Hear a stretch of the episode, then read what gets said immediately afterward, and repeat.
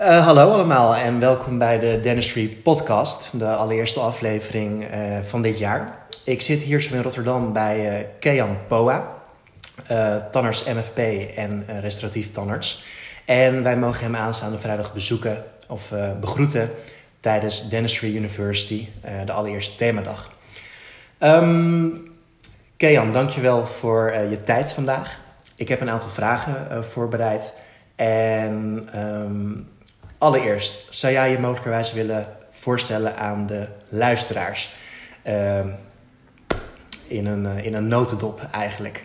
Maar tegelijkertijd mag je ook een beetje uh, trots op jezelf zijn. ja, dat, dat, dat laatste is natuurlijk altijd een beetje lastig. Um, ik ben Kean Poa. Ik ben in uh, Rotterdam geboren. Um, we zijn nu ook in Rotterdam, maar dat betekent niet dat ik uh, mijn hele leven lang in Rotterdam gewoond heb. Ik heb in uh, Utrecht gestudeerd. En, daar heb ik uh, een hele mooie tijd gehad. Ik vond tantekunde in het begin helemaal niet leuk. Ik ben tantekunde pas leuk gaan vinden op het moment dat er patiëntenbehandelingen bij kwamen. En toen ik eenmaal was afgestudeerd, um, heb ik een kleine niche gevonden om te gaan doen. Uh, ik was toen ik afstudeerde ook uh, geïnteresseerd in acupunctuur. Ik heb ook mijn diploma's acupunctuur gehaald. En uh, voor mijn uh, afstuderen had ik heel graag een onderzoek gedaan bij de afdeling gnatologie. Omdat ik gezien had dat er uh, verschillende acupunctuurpunten overeenkwamen met de trigger points, pijntrigger points. Um, uitstralingsgebied van uh, de kaakgewrichtsproblematiek, de, de trigger points van Travel. En ik wilde onderzoeken of dat uh, iets met elkaar te maken had. Alleen de afdeling gnatologie die, uh, die wilde dat helemaal niet. Dat was denk ik 35 jaar te vroeg. En um, ik ben echt als kwakzalver um, weggestuurd en ze wilden daar echt helemaal niets mee te maken hebben. Toen ik eenmaal was afgestudeerd was er een overschot aan tandartsen. En mocht je eh, op verschillende afdelingen zou je volontair mogen werken. Ik ben teruggegaan naar gnatologie om volontair, gratis dus, daar wat te gaan doen. Maar zij wilden dat echt absoluut niet, want ze wilden niets met uh, acupunctuur te maken hebben.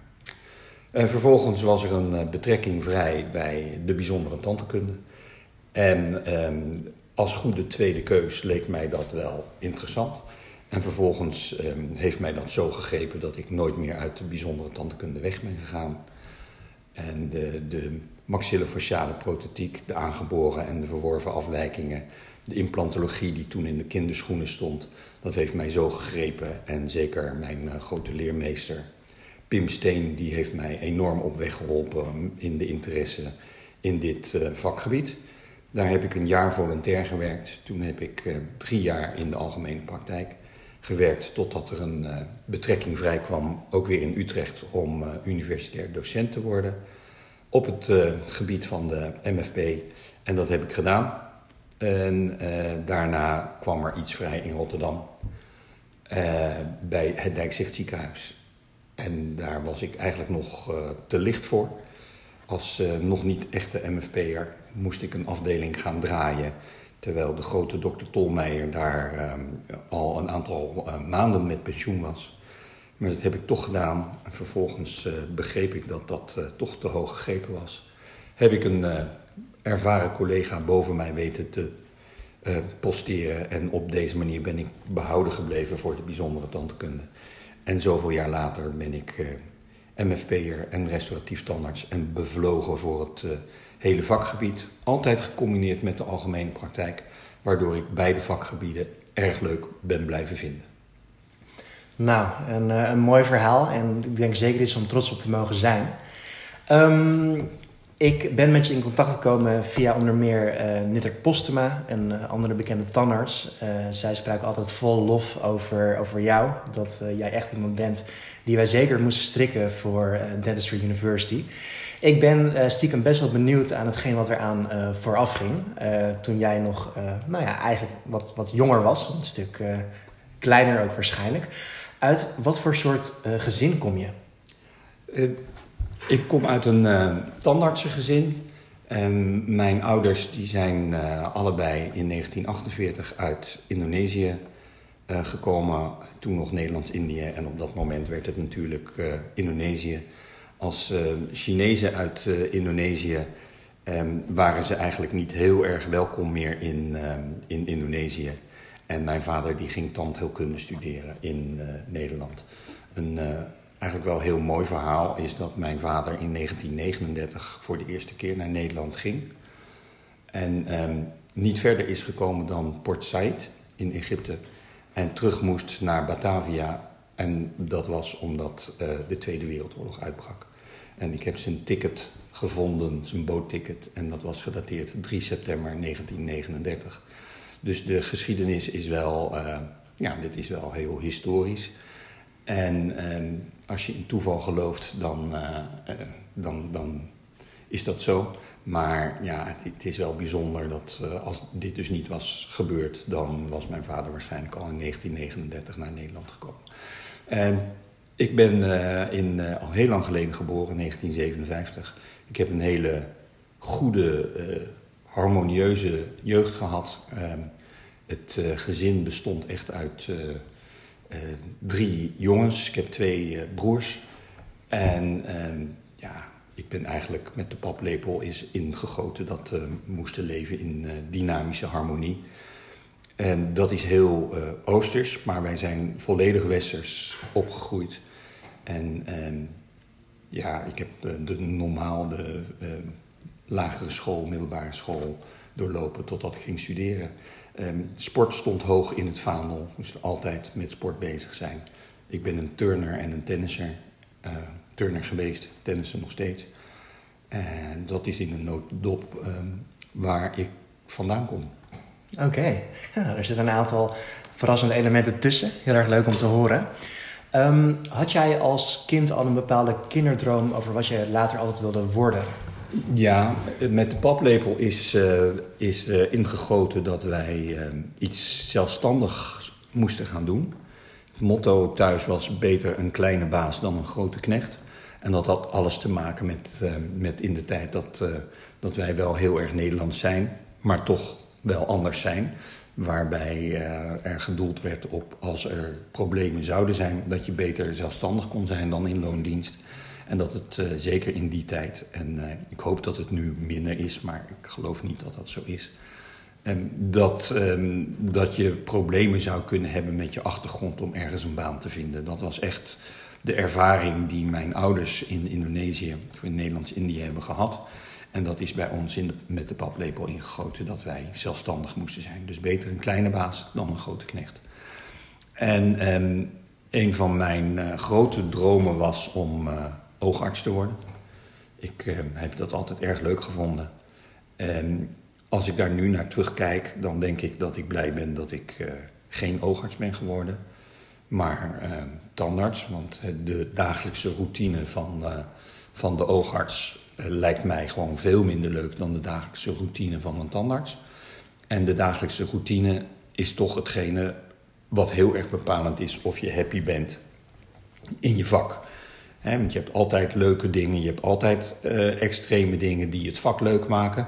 Maar de bottom line is dat je heel tevreden moet zijn met de dagelijkse dingen. En als je daar tevreden over bent en waar je ook je genoeg uitdagingen in blijft zien, vandaar dat ik die combinatie tussen de MFP en de algemene praktijk zo ontzettend leuk vind, um, is zo dat dat de basis is van um, je levensgeluk op het gebied van, van je vakgebied. Um, mijn een van mijn broers werd uh, vier keer uitgeloot voor geneeskunde. En toen dacht ik, weet je wat, met mijn uh, gemiddelde is het waarschijnlijk makkelijker om uh, de tandheelkunde in te gaan. En um, dat heb ik gedaan. Ik ben ook toen ook nageplaatst. Ik was eerst uitgeloot en toen ging ik fysiotherapie doen. Maar vervolgens werd ik nageplaatst en kon ik alsnog tandheelkunde doen. Mijn vader was tandarts, dus ik had er nog wel een, een aardig beeld van. Um, maar de hele studie heb ik eigenlijk op twee gedachten gehinkt. Steeds gedacht van ik wil misschien toch nog wel geneeskunde doen. Ik heb ook wel een keer nog ingeschreven gestaan bij geneeskunde. Maar uiteindelijk heb ik besloten om me toch maar helemaal te richten op de tandheelkunde. En um, tot mijn grote geluk heb ik de niche gevonden waar ik uh, helemaal gelukkig in ben. En dat is de maxillofaciale prothetiek. Kijk eens aan, ja. Um, kan je je nog het moment herinneren uh, dat je ja, besloot voor jezelf van... ik wil tandkunde gaan studeren? En waarom ben je het uiteindelijk gaan studeren? Ja, het moment eigenlijk niet. Hè. Wat ik zo net al uh, aangaf, was, uh, was het meer um, algemeen iets in de gezondheidszorg. Um, van de oogarts wist ik eigenlijk niet veel meer dan het aanmeten van brilletjes. Dat leek mij leuk. Achteraf lijkt me dat dus helemaal niet leuk. Maar goed, dat doen nu ook opticiens en optometristen. En als je nu kijkt naar de uh, routine van de, van de oogarts... als je um, een netvlieschirurg uh, bent of een, of een lenzenchirurg... ja, dat, dat zijn wel leuke dingen. zeker het netvlies lijkt me heel interessant. Maar je doet wel allemaal operaties onder de microscoop in het donker. Veel minder contact met mensen. En uiteindelijk vind ik het contact met mensen vind ik zo ongelooflijk waardevol. En het moment uh, wanneer ik besloten heb om tandheelkunde te gaan doen, dat is er niet. Het is gewoon gegroeid. En het, uh, wat ik zei, het is eigenlijk altijd een beetje een twijfelpunt gebleven. Vandaar ook mijn brede interesse in, uh, in de acupunctuur. Dat, dat ik eigenlijk de hele mens wilde blijven zien. En zo zie ik het eigenlijk ook. Ik ben geïnteresseerd in de hele mens. Maar ik weet toevallig wat meer over het hoofd-halsgebied. Maar ik ben voornamelijk geïnteresseerd in heel de mens. Kijk, kijk, kijk. Um, je bent tegenwoordig een zeer uh, gerespecteerd collega. Wat voor soort student was je vroeger? Was je dan ook een actieve student of was je al een, een uitblinker? Hoe lang heb je over de studie gedaan? Nee, ik was uh, zeker geen uitblinker. Theoretisch was het allemaal uh, dik in orde en dat was, dat was prima. Maar ik kom van een school waar ehm, practicum uh, totaal onbelangrijk was. En uh, toen ik ging studeren dacht ik ook dat practicum niet belangrijk was. En uh, mijn theorie haalde ik allemaal in één keer, helemaal geen probleem. Maar mijn praktijk was ik niet zo serieus in. En ik geloof dat ik het zo net ook al gezegd heb... dat ik tandheelkunde pas leuk begon te vinden toen er een mens aan vast kwam te zitten. Dus de prekliniek vond ik, vond ik afschuwelijk en daar heb ik ook heel lang over gedaan heel lang over getwijfeld of ik uh, wel door zou gaan. Vandaar ook toch nog weer de geneeskunde gekeken. En op het moment dat ik bijna besloten had om te stoppen, kwam ik in gesprek met Jan Hoogteiling, een assistent Kronenbrugwerk. En die zei tegen mij: Kejan, um, dat het nu niet zo goed gaat, betekent helemaal niet dat je geen goede tandarts hoeft te worden. Want het gaat niet alleen om je handvaardigheid. Het gaat vooral ook om jouw intensiteit, om jouw inzet en om jouw betrokkenheid met de patiënten. En, en toen, toen hij dat had gezegd, toen dacht ik van ja, daar zit wat in. Het leuk is dat ik hem een paar jaar geleden bij het Tantekundig Genootschap heb kunnen vertellen dat hij degene is geweest waarom ik door ben gegaan met tantekunde. Omdat ik anders uh, gestopt zou zijn en uh, de geneeskunde in was gegaan. En dan had ik eigenlijk niet geweten wat voor soort dokter ik had willen worden. Waarschijnlijk uh, huisarts. Kijk eens aan, wauw. Ja. Jeetje, ja. Is de studententijd inderdaad de mooiste tijd van je leven? Absoluut. Is absoluut. Ik heb een, uh, een fantastische studententijd gehad in Utrecht. Um, en ik ben lid geweest van het Utrecht Studentenkoor, maar in die tijd was het veel minder uh, uh, denk ik veel minder dan het nu is. Het, is, het, het, mooie van, van, van die tijd is dat je daadwerkelijk vriendschap voor het leven hebt opgedaan. ik heb een fantastische jaarclub en ik heb een fantastisch studentenhuis waar ik nu nog best veel contact mee heb. En waar we nog elke twee jaar met de oorspronkelijke bewoners leuke dingen gaan doen. En wij zijn wij zijn een soort familie. En dat zijn, het is een cliché, maar het zijn echt mijn aller, allerbeste en dierbaarste vrienden die ik me maar kan voorstellen. En dat is ook echt gebeurd. En dat zijn ook allemaal mensen buiten de tandheelkunde om? Dat zijn veelal mensen buiten de tandheelkunde om. In mijn studentenhuis waren wel een paar tandartsen. In mijn jaarclub ook ehm, één tandarts. dat zijn wel mijn vrienden, maar niet zozeer omdat ze tandarts zijn. Ik heb ook best veel tandartsvrienden, maar ik zie ze wel als tandartsvrienden. En daarvan ehm, zijn er maar een paar die je ook, ook echt wel als goede vriend beschouwt. Maar het is niet, uh, dat is op een ander niveau dan, uh, dan van mijn jaarclub en van mijn studentenhuis. Dat is echt uh, op een heel ander niveau. Ja, dus je hebt in Utrecht gestudeerd. daar had je destijds John Tooms, de studenten, ja. studievereniging. Ja. Was je daar uh, ook actief bij? Nee, ik was wel lid, maar ik ben uh, maar een aantal keren bij uh, John Tooms op de feesten geweest. En waarom? Omdat ik ehm, vond het eigenlijk, hè, ik vond die studie helemaal niet zo leuk. Dus ik had ook geen zin erin om um, ook in mijn vrije tijd de hele tijd over tanden en kiezen te praten. Mm -hmm. Ik was breder geïnteresseerd dan alleen in tanden en kiezen. Dat is nu bijna niet meer voor te stellen, omdat nu is, is het focus vooral op de mens, maar dan tanden en kiezen. En dus dat is een, een, eigenlijk een totale omkeer. Ja. Het is inmiddels al een hele tijd geleden dat jij uh, je eigen opleiding heeft, hebt gevolgd. Um, voor zover je kan, of voor zover je er nu zicht op hebt, hoe vind je de huidige tandheelkundeopleidingen in Nederland? Ja, ik weet dat internationaal gezien uh, de tandheelkundeopleiding in Nederland nog steeds behoorlijk uh, staat aangeschreven. En het is een beetje oneerlijk om te zeggen dat, dat het vroeger allemaal beter was. En ik heb er wel een beetje zicht op, omdat ik in Leiden, um, in het LUMC, waar ik uh, de MFP-tandarts ben, elke vier, elke vier weken nieuwe Master 3 studenten krijg als co-assistent. En um, ik schrik er af en toe wel van um, wat voor hoeveelheid verrichtingen de studenten gehad hebben. Theoretisch is de kennis behoorlijk bij sommigen. Bij sommigen is de theoretische kennis enorm goed. En, en bij sommigen is het inzicht ook behoorlijk goed. Maar bij velen merk je dat er, um, dat er behoorlijk grote lacunes zijn. En als je hoort dat iemand kan afstuderen na het prepareren van één kroon en dan nog niet eens bij een levend persoon, dan maak ik me toch wel zorgen. En als ze een, een, met z'n drieën een volledige gebitsprothese hebben gemaakt, of met z'n tweeën, waarbij dan uh, uh, eigenlijk uh, de, ja, de verantwoordelijkheid voor, voor van alles toch een beetje gedeeld is, ja, dan, dan vind ik dat mager. Aan de andere kant is het zo dat wij in Utrecht heel veel handvaardigheid hebben geleerd. Maar uiteindelijk toch in de praktijk ook heel erg veel hebben moeten leren. Maar ik denk wel dat wij uiteindelijk, um, toen we uit Utrecht kwamen, beter geschikt waren om de algemene praktijk in te gaan dan, uh, dan dat nu is.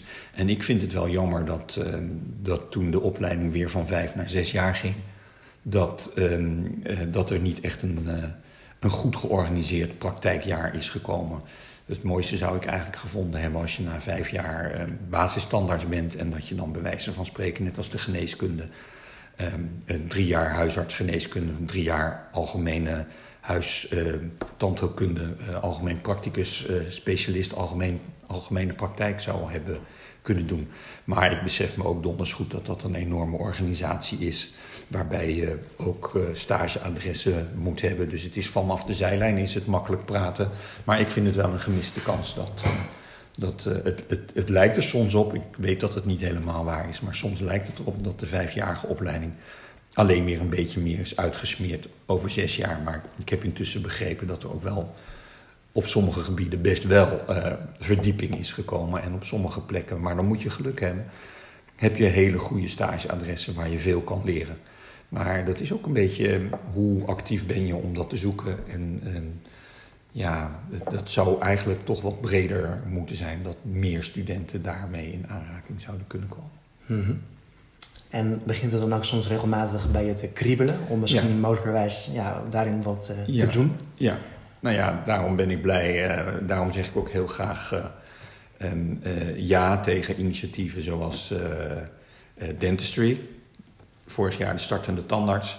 Ik merk dat ik het leuk vind om bezig te zijn met mensen die het interessant vinden om de kennis die ik eh, heb opgedaan in de restauratieve tandheelkunde en in de maxillofaciale prothetiek en niet om te vergeten mijn, mijn algemene praktijk Um, om dat uh, te kunnen delen en om, om, om de inspiratie die ik eruit geput heb, om die over te brengen. En ik heb het dan vaak over inspireren. Mijn afkomst als Chinees. Um, ik wil graag inspireren, maar dan zeg ik inspireren met de L. En um, als ik er uh, enthousiaste verhalen over kan vertellen, dan hoop ik dat, uh, dat mensen ook een stuk van het enthousiasme van van mij in het vakgebied oppikken en daarmee lastige dingen misschien ook wat eenvoudiger kan maken. En dat is, daar heb ik wel een, een passie voor gekregen. Dus dat vind ik heel erg leuk. wel voor mensen die, die daarvoor openstaan. Het lijkt me niet leuk om, om bijvoorbeeld een docentschap bij ACTA, waarbij je ook een heleboel Ehm, studenten zijn die eigenlijk alleen nog maar willen afstuderen en niet daadwerkelijk uh, geïnteresseerd zijn in bepaalde dingen die ik leuk vind. En, en dus die interactie moet ik wel voelen en die voel ik ook met regelmaat bij mijn studenten ehm, eh, van die kooschappen doen. En daar merk ik de, de interesse bij, eh, bij de mensen en dan eh, vind ik het leuk om ze wat te leren. Mm -hmm. Mm -hmm. Meer, meer dan leuk. Ja. Um, je hebt het al een paar keer laten vallen. Uh, om het concreet onder woorden te brengen. Wat vind je het mooie aan jouw vak? Wat vind je het mooie aan jouw uh, specialisme? Het mooiste van mijn specialisme is dat je uh, daadwerkelijk een verschil kan maken in kwaliteit van leven. je moet je voorstellen dat als je een aangeboren afwijking hebt of een, of een verworven afwijking, een aangeboren afwijking als oligodontie of amylogenesis imperfecta of schisis en, en je moet je voorstellen dat als je schisis hebt en je hebt een groot defect of een kleiner defect waarbij het uh, eten door je neus gewoon weer naar buiten komt. Je kan niets, niets drinken zonder dat, uh, dat het door je neus naar buiten komt. En uh, je kan een apparaat verzinnen, je kan iets maken waardoor dat niet meer gebeurt. Dat is een heel groot verschil op het moment dat mensen kanker hebben die een groot stuk van hun kaak moeten missen. Waarbij je een oplossing kan verzinnen dat het leven gewoon weer de moeite waard wordt, dat het draaglijker wordt.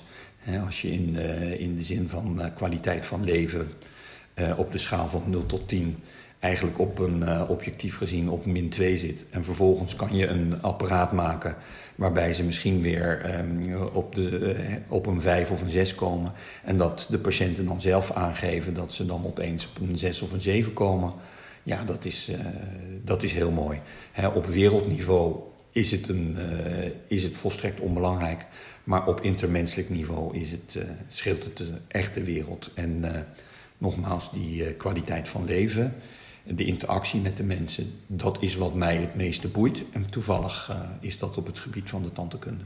Vandaar ook dat ik denk dat ik als huisarts misschien wel het meest op zijn plaats zou zijn, omdat je daar ook het meest contact hebt met, met de mensen. Mm -hmm, mm -hmm. En ben je ook iemand die van wetenschap houdt? Doe je ook zelf onderzoek? Voel je daartoe tot aangetrokken? Nou, nee, ik ben meer een practicus. Ik heb wel wat artikelen geschreven, maar dat zijn meestal casuïstiek beschrijvingen. Ik heb nu een aantal dingen. Um, dat, dat, is aanpalend aan de wetenschap. Een beetje met bijwerkingen van, van geneesmiddelen. Um, en de, ik, had gezien dat iemand een, uh, uh, een middel had genomen om bruiner te worden. En toevalligerwijze zag ik dat daar uh, verkleuring van zijn tandvlees was opgetreden. En het mooie was dat, dat ik foto's van um, toevalligerwijze mondfoto's had van voor die tijd dat hij dat gebruikt had. En toen had hij keurig netjes mooi roze tandvlees. En vervolgens had hij allemaal verkleuringen. En heb ik samen met, met Kees de Baat heb ik dat besproken en vervolgens is daar een, een artikel van verschenen. Hetzelfde, hetzelfde geldt voor, voor een bijwerking op een, op een ACE-remmer, een grote zwelling. dus daar, daar heb ik wat artikeltjes over. Maar het gaat voornamelijk over. ik heb een beschrijving over behandelplanning bij oligodontie.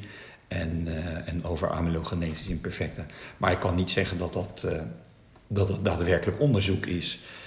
Als er nou een onderzoek was geweest waar ik iets mee had willen doen, en, en, en, heel stiekem denk ik daar nog wel eens aan, dan zou het zijn uh, kwaliteit van leven onderzoek bij, uh, bij mensen met kanker of bij mensen met, met oligonontie, om daadwerkelijk te meten um, wat, wat de kwaliteit van leven voor die tijd was en wat de kwaliteit van leven na die tijd was. En intussen zijn die onderzoeken er ook. En dat vind ik, vind ik mooie onderzoeken. En dat, dat vind ik dan nog vind ik wel interessant. En nu bij, in Leiden hebben we ook heel veel mensen met Bronnier, MRONJ, Medication-Related Osteonecrosis in Jaws.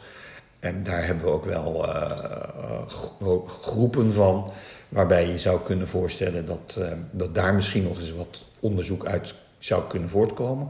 Maar ik zou eigenlijk alleen maar het, willen werken tijdens het werken en dan wel dingen bijhouden. En als ik op zo'n manier echt onderzoek zou kunnen doen, vind ik het leuk.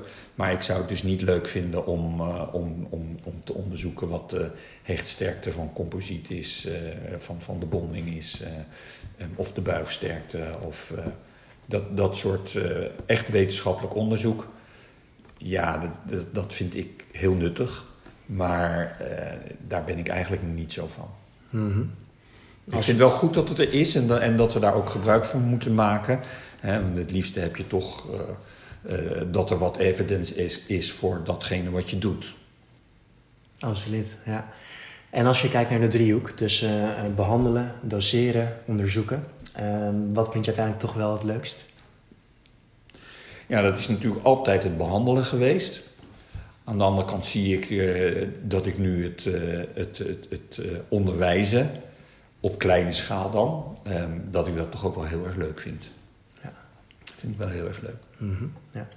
Nou, je vertelde al over je mooie studietijd. Uh, heb je jaargenoten of generatiegenoten van uh, Utrecht die een beetje een soort van hetzelfde pad hebben bewandeld als jij? Um, nou, ik heb wel in mijn, uh, mijn groep die wat langzamer gestudeerd heeft, daar zit wel wat. Daar, daar zitten meerdere kaakchirurgen, een parodontoloog, uh, in kaakchirurgie is zelfs hoogleraar uh, kaakchirurgie geworden. Dus het, het, het, lijkt er wel een beetje op dat degenen die iets langzamer uh, gestudeerd hebben, die, dus wat meer uh, ernaast hebben gedaan, dat die daarna, toen ze serieuzer werden, uiteindelijk ook het vak nou, serieuzer op een andere manier daarmee zijn omgegaan. Dus die wel ehm, ja, iets anders zijn geworden dan alleen algemeen practicus. Waarmee ik absoluut niet wil zeggen dat algemeen practicus niet. Uh, hè, dat, is, dat is ook fantastisch. En uh, waar het mij om gaat is dat je met heel veel plezier en compassie uh, met dat vak omgaat. En dan is er geen waardeoordeel over of iemand iets extra's of iets meer of iets minder gedaan heeft. Dus dat wil ik zeker niet zeggen. Maar het, een soort gelijk pad er zijn er wel die, uh, die dezelfde soort inspiratie hebben gevonden uh, als ik. En uh, ja, dat, dat is wel leuk om te zien. Oké. Nou, dat zullen dan wat meer bekende namen hier in Nederland Tannerseland zijn, denk ik. Um, wie zijn dat? Nou ja, dat zijn inderdaad Nittert Postema, die, die heeft een soort gelijk pad. Um, ik heb heel erg veel op met Hans van Pelt. Hans van Pelt daar, uh, dat, mijn, mijn tandartsenbestaan heeft, uh, heeft heel veel overeenkomsten met Hans gehad. Um, en dat is grappig, want in het begin was hij een icoon voor mij op het gebied van, van, de, van de adhesieve tandheelkunde. ik heb hem leren kennen in werkgroepen over het Bosker-implantaat, wat heel veel tandartsen niet eens meer kennen. Hans van Pelt die heeft in het ziekenhuis ehm, in, in Groningen heeft hij aan de wieg gestaan van het prothetisch protocol op het gebied van het Bosker-implantaat. Waarbij ehm, ehm, zijn prothetisch protocol heeft geleid tot, uh, tot hele goede resultaten bij het Bosker-implantaat. En bij de andere universiteiten, de andere scholen, wilden ze eigenlijk niet voldoen aan het prothetisch protocol van het Bosker-implantaat, maar wilden ze hun eigen protocol uh, hanteren. En uh, op het moment dat ze dat protocol hanteerden op het Bosker-implantaat, dat hebben ze onderzocht, dan kwamen de corticale schroeven van het Bosker-implantaat eruit rollen en hun conclusie was dat het dus een slecht implantaat was. Terwijl in het uh, prothetisch protocol met Hans van Pelt, dan zag je ook daadwerkelijk uh, wat er geclaimd werd, af en toe botgroei ontstaan. en ehm, als ik kijk naar het, eh, dat protocol en ik kijk hoe, ik mijn implantaatprotheses al die jaren gedaan heb, dan volg ik het uh, prothetisch protocol van, van Hans van Pelt. En um, ja, in al die jaren met overkappingsprotheses op implantaten kan ik zeggen dat ik heel erg weinig implantaten verloren ben. Dus mijn conclusie, en dat is niet wetenschappelijk, want ik ben niet zo'n wetenschapper, Ehm, is dat in mijn handen het prothetisch protocol van Hans van Pelt op overkappingsprotheses van implantaten heel goed werkt. Kijk. En wie is de kaakchirurg? Welke kaakchirurg bedoel je? Um, ook van jouw generatie. Die ook uh, ja, een soort vanzelfde pad heeft behandeld. En ook een van de meer bekende. Ja, de, de, de, de kaakchirurg die mij nu um, als eerste naar voren komt is, uh, is Twan Rosenberg. Dat was een, uh, een studiemaatje van mij. Uh, tegelijkertijd afgestudeerd. ook wat langer over zijn studie gedaan. Dat is niet helemaal eerlijk, omdat hij in de tussentijd ook geneeskunde deed. Dus dat, daar wil ik hem absoluut niet mee, mee vergelijken. En hij heeft een, een ambitie, een tomeloze ambitie gehad. Hij wilde per se kaakchirurg worden, maar hij kon hij kon niet in Nederland in opleiding komen, ondanks het feit dat hij toen arts en tandarts was. En is hij naar Münster gegaan om daar zijn opleiding te doen. Dan was hij twee jaar al in opleiding. En vervolgens, zijn grote droom was in de kliniek van Obwegezer in Zurich zijn opleiding te doen. Maar daar was geen plek. Was hij dus in, begonnen in, in Münster. En vervolgens kwam er een plek vrij in, in Zurich. En, en toen mocht hij daar beginnen, maar wel onder de voorwaarde dat hij volledig opnieuw zou beginnen. En dat heeft hij gedaan. En daar heeft hij een, een Zwitsers, nee, heeft hij geen Zwitserse promotie gedaan. Hij is wel zo slim geweest ook weer om in Duitsland zijn promotie te doen. Nou, we weten allemaal dat in Duitsland een promotie doen, nou, is, is eigenlijk anders dan in Nederland een PhD doen. Een Duitse, Duitse dokter uh, met is is eigenlijk een beetje wat er, nou, misschien iets meer, maar het is bijna vergelijkbaar met een, met een master's thesis bij ons. Als ik zijn uh, proefschrift zie, dan denk ik, ja, dat was een mooie master thesis, maar niet een PhD. Maar vervolgens was dat wel als, als dokterstitel geldig, dus dat had hij wel handig gedaan. Vervolgens is hij ook in Münster, heeft hij volgens mij, dat weet ik niet helemaal zeker, uiteindelijk zijn kaakchirurgische brevet gekregen, zodat het ook weer in Nederland geldig was. Maar daar ben ik niet helemaal zeker van. En, hij heeft jarenlang in Utrecht heeft hij, de kaakchirurgie geleid. En tot mijn grote vreugde is hij dan vorig jaar heeft hij zijn oratie mogen houden als hoogleraar kaakchirurgie in Utrecht. Dus dat vind ik heel mooi. Een andere die mij heel erg geïnspireerd heeft is Gert Meijer. Gert Meijer, en die heb ik ook een hele lange tijd ook samen mee, uh, het, parallel het pad, uh, in Utrecht. op een gegeven moment dat hij, wilde die mij hebben als, als CBT-tandarts, MFP-tandarts in Utrecht. Maar ja, toen waren wij net, waren we net vanuit Utrecht naar Rotterdam verhuisd. En mijn vrouw zei van nee, dat ga je niet doen. We gaan niet naar Rotterdam verhuizen voor het werk, om dan vervolgens weer in Utrecht bij de MFP te gaan werken. Dus toen ben ik gewoon lekker bij in Rotterdam blijven werken. En overigens heeft mijn vrouw een enorm grote rol gespeeld in, in de keuzes die ik heb gemaakt. Omdat zij. Mijn vrouw is, is arts, um, arts op het gebied van bijwerkingen van geneesmiddelen. En toen zij nog niet was afgestudeerd, um, had zij gezien dat ik in het kamertje, ene kamertje in Rotterdam aan het werk was. En toen zei ze van, volgens mij ben jij breder dan alleen maar in dat ene kamertje te zitten.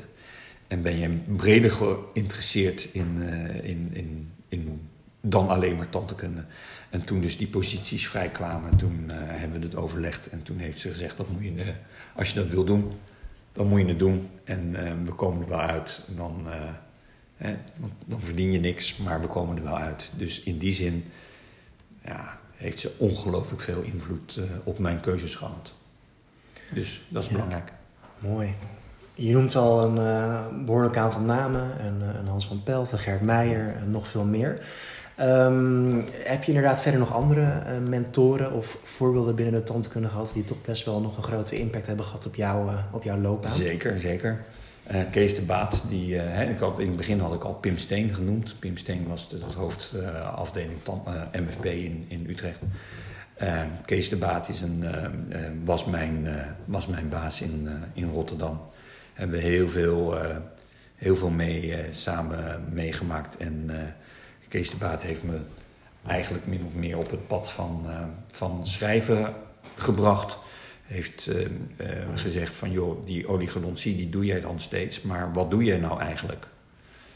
Ja, op het moment, en, en schrijf dat nou eens op. En op het moment dat je dat dan gaat doen, dat is heel goed, omdat je dan pas echt heel goed gaat nadenken wat je nou stap voor stap doet en waarom.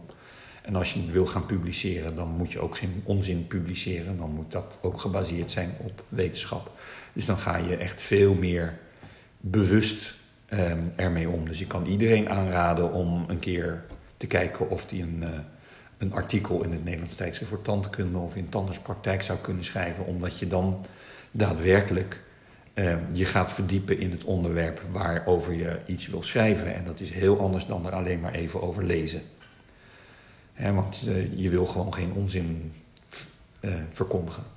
Dus ja, Kees de Baat is, uh, kan ik niet anders zeggen dan dat dat een, een, een zeer stabiele factor in mijn tandartsbestaan is. ook nu heeft hij nog, is hij nog steeds een beetje mijn mentor. Mm.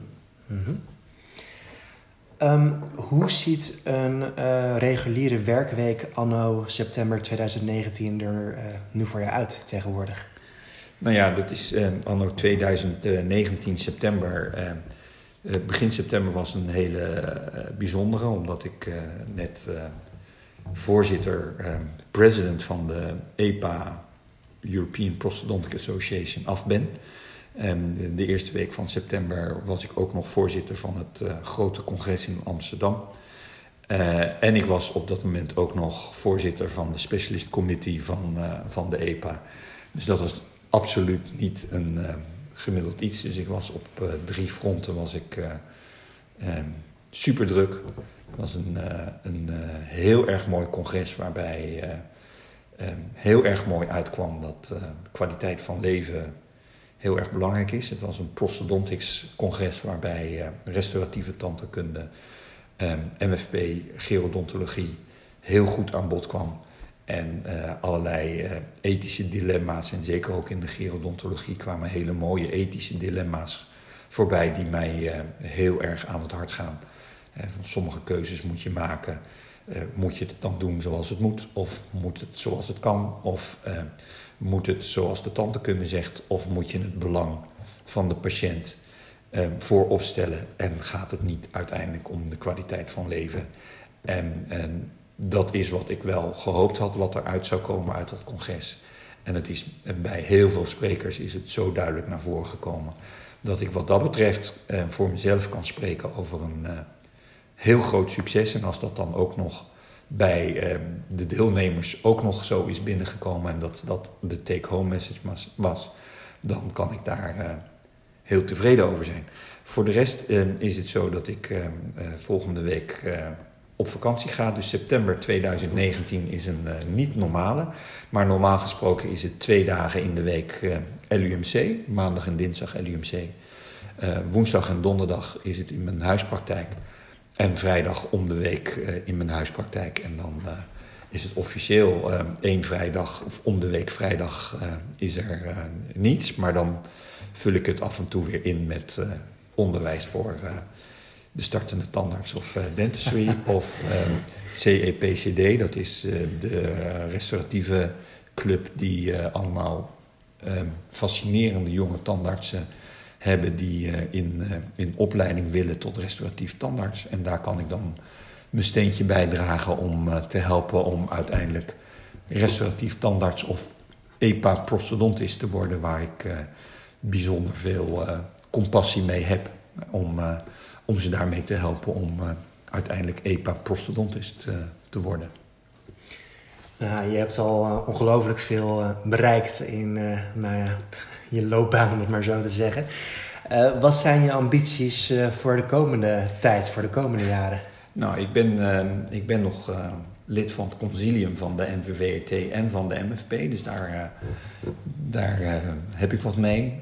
Um, een hele grote wens zou zijn om de MFP, om de NVVT en de NVGPT samen te laten komen. En ik ga daar geen voortrekkersrol meer in spelen, maar ik denk wel dat het belang, ik vind het wel heel erg, uh, zou mooi vinden als dat uiteindelijk lukt. En ik ga uh, uh, in het najaar eh, kijken of ik een, eh, een cursus dry needelen kan gaan doen om de cirkel rond te maken. Want de dry needelen is natuurlijk het het broertje van de acupunctuur zonder de acupunctuurfilosofie. Uh, het is intussen een gerespecteerde en geaccepteerde behandelmethode in de fysiotherapie. En dan uh, zou ik eigenlijk zeggen van, dan heb ik na 35 jaar, 35 jaar later heb ik toch een heel klein beetje mijn gelijk. Omdat de trigger points die daar dan behandeld worden, dat zijn waarschijnlijk gewoon de pijn punten van Travel die ik 35 jaar geleden ook gezien had. En misschien is het een klein beetje om te kijken of ik gelijk had. Misschien wel om me gelijk te halen, dat weet ik niet. Maar soms duurt het zo lang voordat je, ja, voordat het uh, zover is dat, uh, dat daar erkenning voor is. En uh, ik ben heel benieuwd of dat ook zo is. Mm -hmm. En voor de rest lijkt het me heel aardig om, om af en toe ja, misschien nog wat meer in het, in het onderwijs te doen voor geïnteresseerde mensen.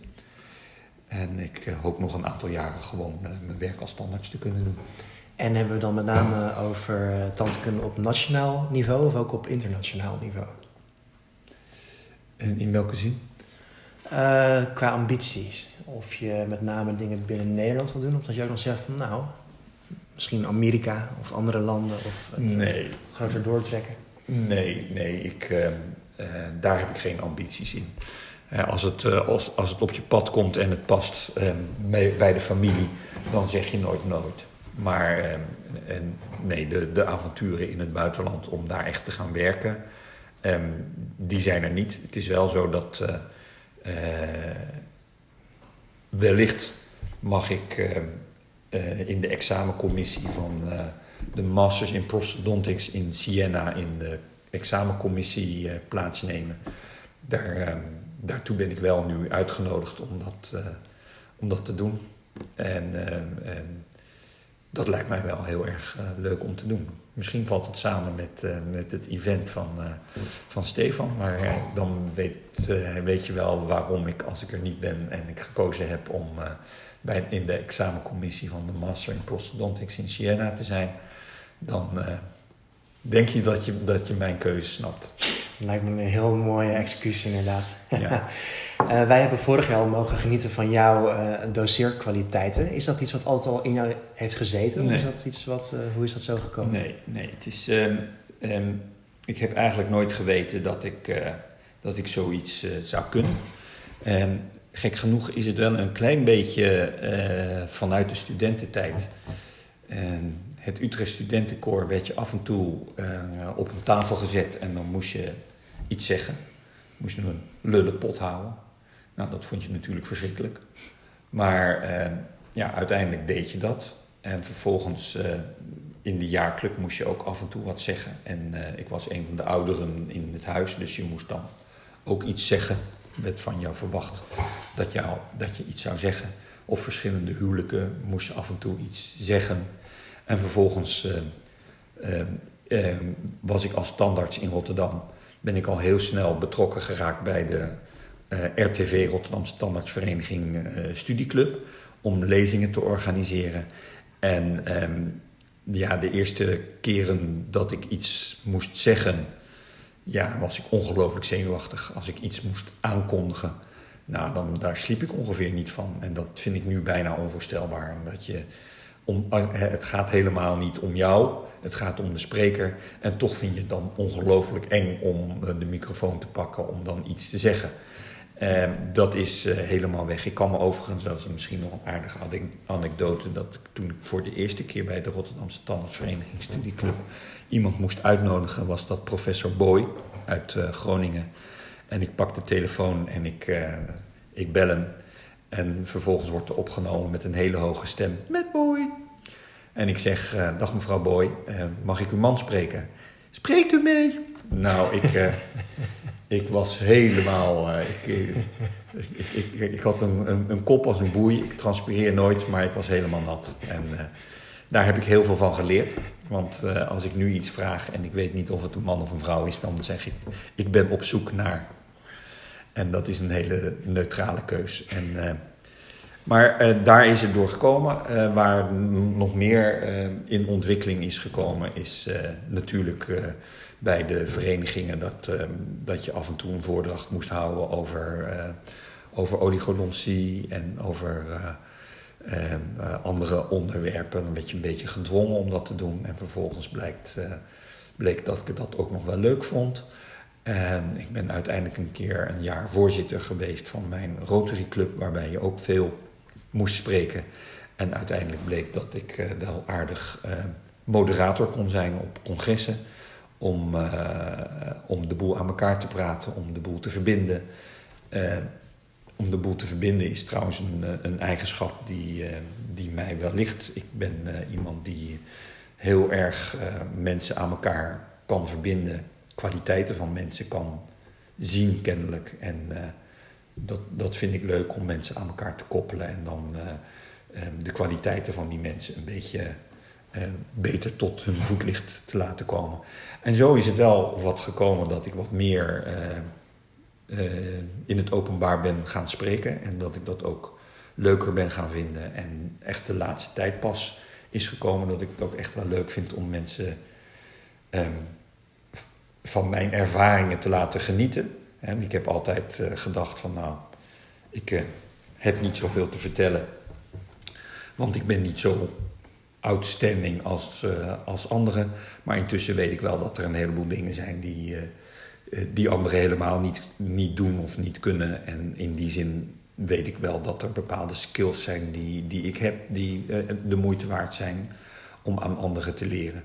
Maar uh, je, hebt, je hebt andere docenten die op technisch niveau ja, zo'n beetje in de Champions League zitten. En dat is, dat is fantastisch, dat is leuk. En zo zie ik dat niet. Ik, zit, ik zie meer dat ik algemene dingen goed kan vertellen. En mijn, mijn grotere kracht zit toch echt in de kwaliteit van leven van mensen. En niet zozeer in, in of ik nou fantastische kroonpreparaties kan maken of fantastische esthetische dingen kan maken die, die op het allerhoogste niveau in de wereldtop zitten. Dat is ook helemaal niet mijn ambitie. Mijn ambitie is om, om over te brengen dat het gaat om, om de mensen. Nou, er zitten volgens mij een hele hoop uh, wijze lessen in het laatste stuk. Uh, dan komen we nu bij een gewetensvraag terecht. Als je weer opnieuw zou mogen beginnen, zou je dan opnieuw voor tante kunnen kiezen? Ja, absoluut. Wat ik al zei is dat ik uh, in het begin had gedacht dat ik oogarts wilde worden. nu ik dit gevonden heb, wat ik gevonden heb, de combinatie tussen de MFP, de restauratieve tandkunde en de gewone tandkunde Plus al mijn, mijn bestuurlijke dingen die ik gedaan heb. Ja, dit is, dit is een, een, gelukkig mens, want ik heb daar gewoon niets. Ik zou niets anders kunnen verzinnen wat, wat leuker zou kunnen zijn. Dit is. Hè, een, een, een, een Chinees spreekwoord is, maar dan in het Engels, is he who knows he has enough is rich. En ja, dan ben ik een, een, rijk man, want ik heb genoeg aan datgene wat ik nu voor mezelf heb kunnen ontwikkelen en waar ik mee bezig ben. En daar heb ik voor jaren nog genoeg inspiratie aan om, om dat nog zelfs te blijven ontwikkelen. Mm -hmm. Ja, mooie uitspraak. Um, nou, wij hebben het als tanners op zich zeker niet verkeerd. toch klinkt er hier en daar de nodige kritiek. Als er één ding zou mogen zijn dat je aan de tandkunde zou mogen veranderen, wat zou dat dan zijn? Eentje. nou, ik vind dat er de laatste tijd wel een groot verschil komt tussen de haves en de have-nots. als je kijkt naar de, de uitkleding van het basispakket. Het basispakket is, is, is, is mooi voor mensen die, die iets afwijkends hebben. Eh, en dat vind ik nog steeds mooi in de gehandicaptenzorg en in de aangeboren en verworven afwijkingen. Daar is onze basisverzekering natuurlijk nog steeds fantastisch voor. Uh, beter uh, ken ik het niet in, in andere landen, dus wat dat betreft mogen we er nog steeds trots op zijn. Maar je ziet ook wel een heel groot verschil in de mensen die het wel kunnen betalen en die het niet kunnen betalen. dat, dat doet me pijn. Wat me ook pijn doet, is dat, dat kwalitatief hoogstaande tandkunde eigenlijk ten opzichte van kwalitatief niet goede tandkunde zeer onderbelicht is. Het, is. het is een eenheidsworst. Het is een soort ja, bijna communistisch systeem.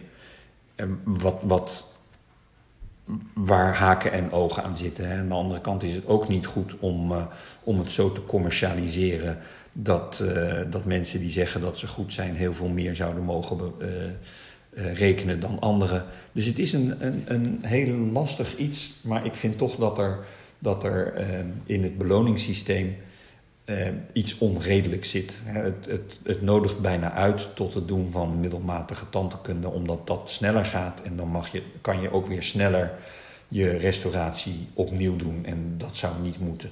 Er zou een incentive moeten zijn om hoogwaardige kwaliteit te leveren. En daar zou, daar zou ook eigenlijk wel een beloning voor moeten zijn. Hoe je dat zou moeten regelen, ik heb geen idee. Ik ben ook geen politicus. Maar ik zie dat hier een, eh, een, rare prikkel in zit om. Uh, helaas om, uh, om dat niet allemaal goed te doen.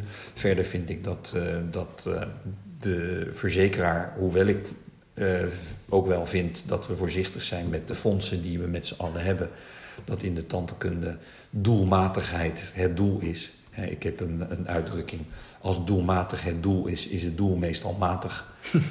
en, en, ja, dat wordt soms wel heel ver doorgevoerd. En uh, ja, dan is de, de maat, de menselijke maat is af en toe zoek. En uh, ik begrijp ook wel dat je, dat, dat je niet altijd overal uitzonderingen van kan maken. Maar um, er, er, zitten wat haken en ogen in het systeem. En ik weet niet precies hoe je dat zou moeten oplossen.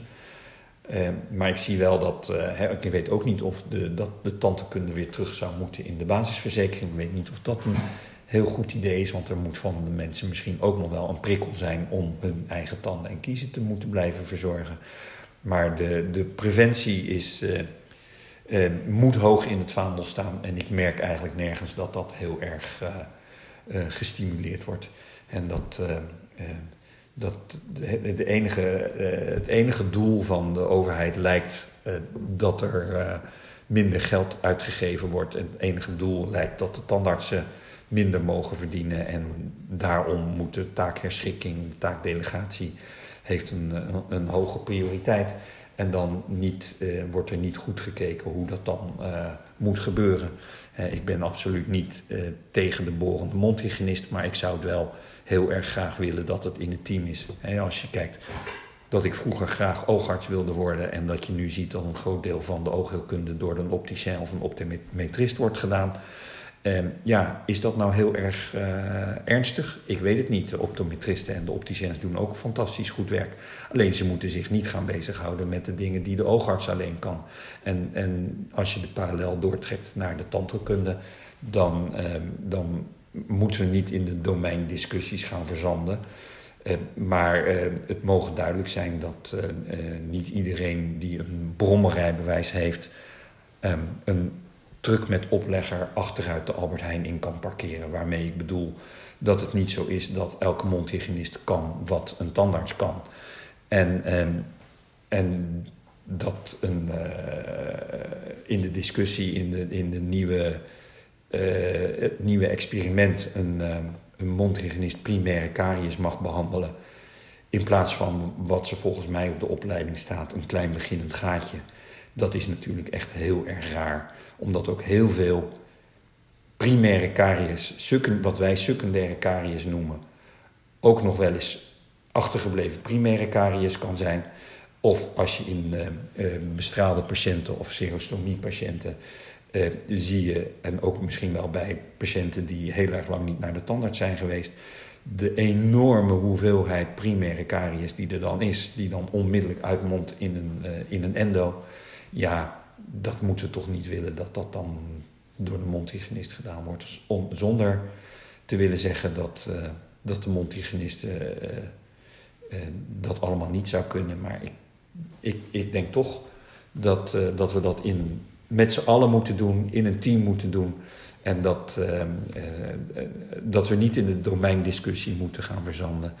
En ik, ik denk dat, dat er nog heel erg veel te doen is op het gebied van de preventie.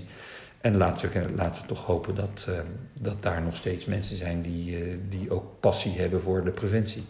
Ja, nou mooi. Ook een mooie boodschap voor Politiek Den Haag hier zo, denk ik.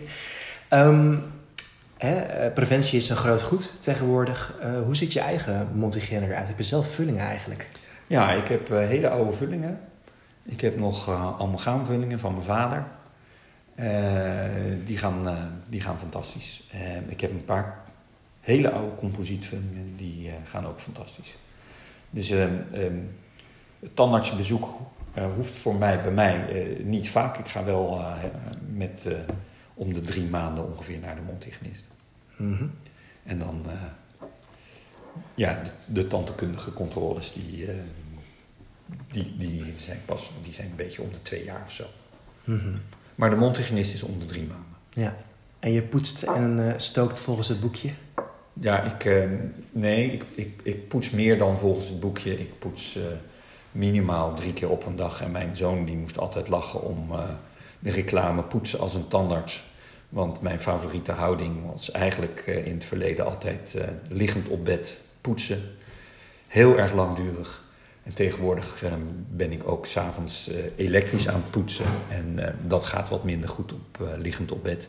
Maar poetsen als een tandarts was voor mijn zoon altijd liggen op bed. En niet met Oral-B elektrische tandborstel, maar liggend op bed.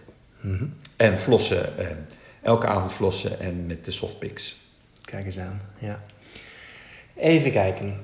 Um, even een klein stukje een zijsprongetje. We zitten hier in Rotterdam. Uh, ben je ook voor Feyenoord? Ja. Maar ik ben eigenlijk voor, uh, voor uh, Sparta en Excelsior. Ik ben voor Rotterdamse clubs. En ehm, ja, ik, ik ben wel voor de Rotterdamse clubs. Mm -hmm, mm -hmm. Maar, maar, het moet allemaal in het gewone blijven. En, en, en, en lachen om elkaar is prima. En ik snap ook heel goed dat in, in Leiden is er een grote groep die voor Ajax is en, en ik ben dan voor Feyenoord. En dat is dan grappig. Als wij weer verloren hebben, ja, dan is dat niet zo leuk. Maar als wij een keer van Ajax gewonnen hebben, is dat wel heel leuk. En ach, als je eens in de 18 jaar kampioen wordt, dan is dat ook mooi. En Triton is pas na 52 jaar weer varsity-winnaar geworden. En de, de Eurovisie Songfestival na 41 jaar, geloof ik. Dus ja... Leven Rotterdam. Leven, leven Rotterdam, ja. Rotterdam is... Uh... Ja, heel goed. Ja. Uh, wat doe je graag in je vrije tijd verder? Nou, ik ben uh, een tennisser. En, en ik ben uh, geïnteresseerd in, in het Taoïsme en de I Ching. En ik ben ook geïnteresseerd in de filosofie van Carl Gustav Jung. Dat is een Zwitserse, Zwitserse psychiater. En dat, dat vind ik boeiend. Ja, heb je verder ook nog een bepaald favoriet arsenaal aan boeken, televisieprogramma's, films, dat soort dingen? Ja, films. Um, de, de allerbeste film, of een van de allerbeste films, die me nu zo naar te, te binnen schieten, is The King's Speech. En um, werk One Autor. En um, dan weet ik niet meer hoe die heet, maar een film over ja, de Enigma-code. Um, Werk One Autor en The King's Speech uh, zijn films die, uh, wat mij betreft, gaan over inspiratie. The King's Speech vooral over echte competentie.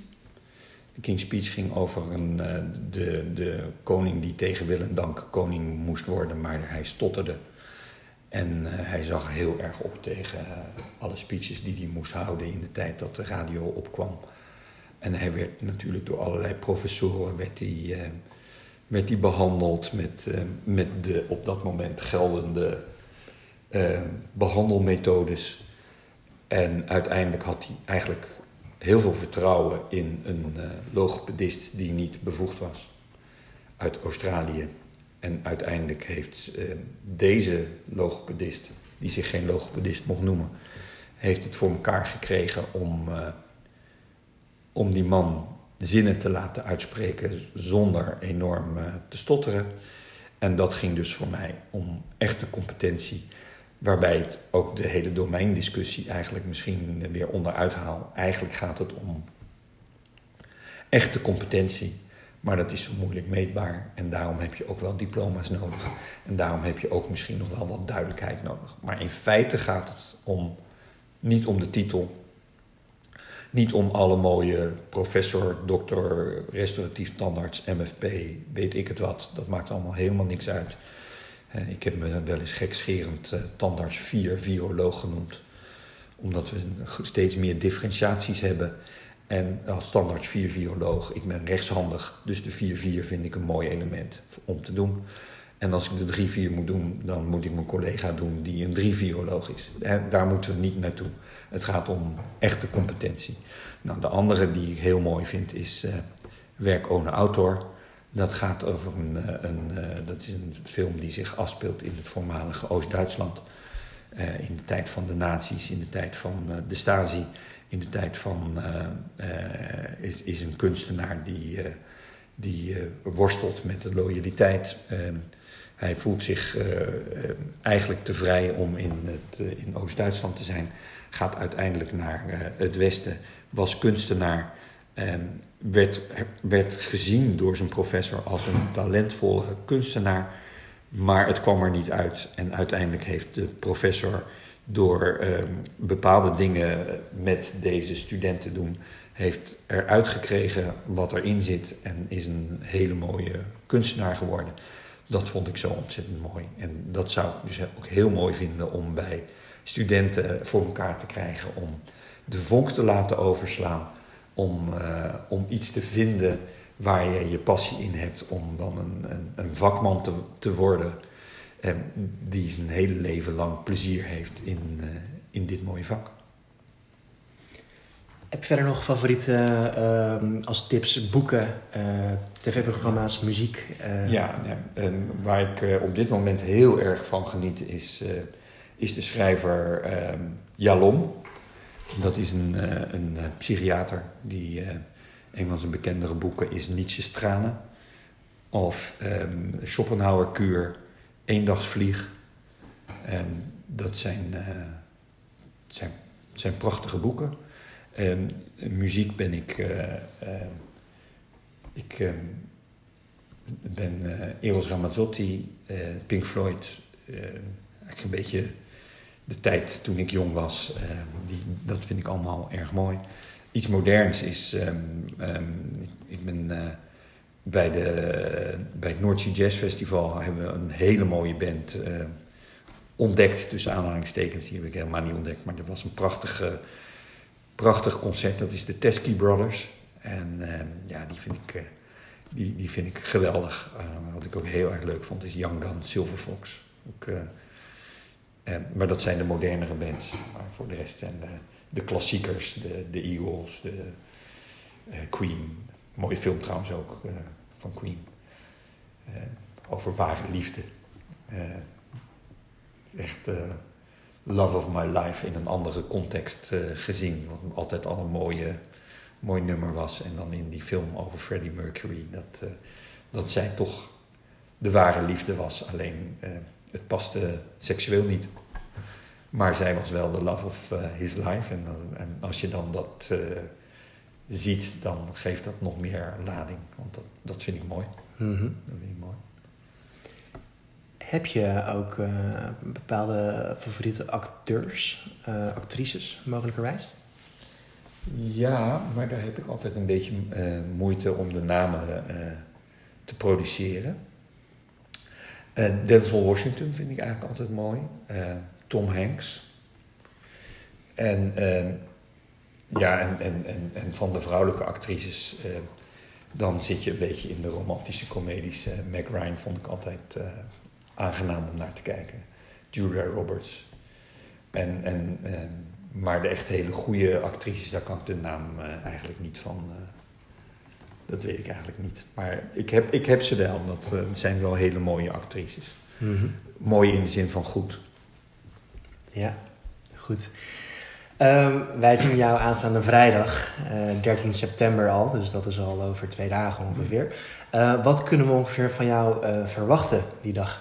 Ja, um, dat is goed dat je het vraagt, want dat wilde ik eigenlijk aan jou vragen. Wat, uh, wat willen jullie nu van mij horen? Uh, de rode draad zal uh, toch mijn behandelingen in de bijzondere tandheelkunde zijn, waarbij ehm, bepaalde behandelmethodes voor het voetlicht komen, maar uiteindelijk toch weer vaak datgene wat ik voor die mensen heb kunnen doen om hun kwaliteit van leven te kunnen verbeteren. Ehm, maar er zitten ook uh, tips en tricks in. Ik hou ervan om het een beetje interactief te doen. Dus dat, uh, dat uh, de, de cursisten een beetje worden uitgedaagd om mee te denken. Soms wat basale dingen als erosie. sommige vragen van, ja, weet je eigenlijk bij welke pH de, het glazuur oplost, bij welke pH dentine oplost. Het zijn eh, geen onbelangrijke dingen. En, en die vraag ik dan niet zozeer eh, om je kennis te testen, maar als wel om redenen van waarom je eventueel een reden zou kunnen hebben om blootliggende dentine alsnog wel te bedekken of niet te bedekken. En welke behandelkeuzes uh, uh, wil je maken, op grond waarvan ga je behandelkeuzes maken.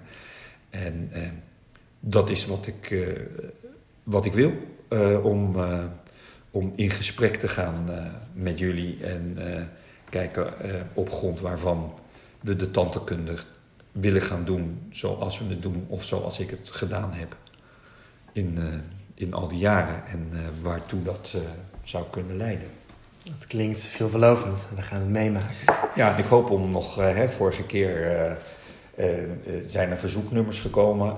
het is natuurlijk kort dag voor verzoeknummers. Maar ik neem heel veel dia's. Ik neem een aantal presentaties mee. Dus wie weet kunnen we nog wel een beetje switchen tussen de presentaties die, die, die ik heb. En nou, als het goed is wil ik ook nog wel iets laten zien over een kokhalsreflex niet dat ik dat wil promoten omdat het een lastige groep is en ik wil niet als specialist kokhalsreflex te boek staan, want dat is, dat is een lastige groep. Maar er is nog wel een leuk filmpje van. Uiteraard, uiteraard. Hoe lang mogen we eigenlijk nog van je genieten als uh, tandarts met al je kwaliteiten die wij momenteel hier om ons heen hebben? Ja, dat is een, een moeilijke vraag. Um, dat weet je natuurlijk nooit, omdat het, ja, ik ben niet fatalistisch, maar ik weet dat om me heen zijn er allerlei mensen die, die plotseling wegvallen of soms weg, niet plotseling wegvallen. Dus dat heb ik niet in de hand. Maar het idee om, om nog een tijd door te gaan is er wel. Ik heb niet een, een einddatum van ik wil per se op 67-jarige leeftijd stoppen. Of ik wil op 70-jarige leeftijd stoppen. Nittert het is een van mijn grote voorbeelden. Nou, daar heb ik al een keer iets over verteld. Ik weet niet of ik dat nu uh, weer in, in deze podcast moet vertellen. Maar ik heb, ik, ik heb vorige keer heb ik uitgebreid mijn, mijn inspiratie van, van Nittert. dat was de vraag van, nee, dat was geen vraag, maar wie heeft je in, in, je, in je carrière het meest geïnspireerd? En dat is Nittert geweest. En hij inspireert me nu ook weer dat hij nu op uh, deze leeftijd nog zo vol enthousiasme bezig is om jonge mensen uh, onderwijs te geven. Waarbij ik wel weet dat hij ook nog steeds als standaard uh, bezig is. En ik denk dat dat dan nog wel een voorwaarde is. Ik wil heel graag nog langdurig bezig zijn met dingen in het onderwijs. Maar dan moet ik ook nog wel als tandarts bezig zijn, want anders kan je eigenlijk niet meer de, de, de, nieuwere dingen. Het moet niet zo zijn dat ik alleen maar uit de oude doos verhalen vertel. Dat, dat, dat is zo. Maar ik heb dus geen specifieke einddatum en ik voel me gezond. Ik ben redelijk fit, dus ik denk, ik hoop nog zeker een jaar of 7, 8 sowieso nog mee te gaan. Ja. Absoluut. Dat hoop ik. Ja. Maar dat weet ik niet natuurlijk. Ja, nou het is inmiddels hier al tien uur. Het is al een tijdje donker buiten. We gaan naar de laatste vraag van de avond. Welke take-home messages mogen we meenemen? Ja, de take-home message zal zijn uh, dat je iets moet vinden waar je echt uh, heel erg veel plezier in gaat hebben. Want dan ga je het, het, het, het lang volhouden. Uh, ik denk dat continue nascholing ongelooflijk belangrijk is om dat plezier in je werk te houden. Ehm, zoek, zoek veel afwisseling in het werk en ehm, probeer eruit te halen wat erin zit. Probeer te vinden wat je talent is. Probeer dat dan verder te ontwikkelen en ga niet zitten op dingen die je minder goed kan en uh, dat proberen goed te maken. Ja, tenzij je dat heel erg graag wil. Dat je iets niet goed kunt en dat je dat uiteindelijk wel goed kunt. Maar probeer in ieder geval te, plezier te vinden in datgene wat je wel kunt. En onderken datgene wat je niet zo goed kunt. Het is helemaal geen schande om, om te onderkennen dat je bepaalde dingen ook minder goed kunt. En dat je dat dan ook aan iemand anders overlaat. En probeer heel goed in, uh, in harmonie met je omgeving te zijn. En, en de ondersteuning van, van je gezin. En uiteindelijk gaat het erom dat je een, een plezierig leven zult hebben. En ik denk dus dat, dat heb ik vanavond ook al eerder gezegd. Als je je routine heel erg leuk vindt, dan denk ik dat je een heel gelukkig mens kunt zijn. Nou, dat lijkt me een hele mooie afsluiter. Zijn er verder nog uh, een aantal laatste dingen die je eventueel kwijt aan de luisteraars? Want anders dan uh, gaan we het afsluiten voor uh, deze keer, de eerste editie. Nee, ik denk dat ik nu genoeg gezegd. Oké, nou, hartstikke goed. Um, dan was dit het einde van de Dentistry University podcast. onze allereerste editie hier vanuit Rotterdam. Hartelijk dank voor het luisteren. Um, mocht je nog geïnteresseerd zijn om deel te nemen aan Dentistry University aanstaande vrijdag 13 september met Kean Poa, uh, surf dan gerust naar dentistryuniversity.com en daar zul je meer informatie vinden over het wel en wee. Voor nu nog een, uh, nou hier een fijne avond uh, voor wanneer u het luistert nog een fijne dag. En wij hopen u volgende keer weer te zien. Tot ziens.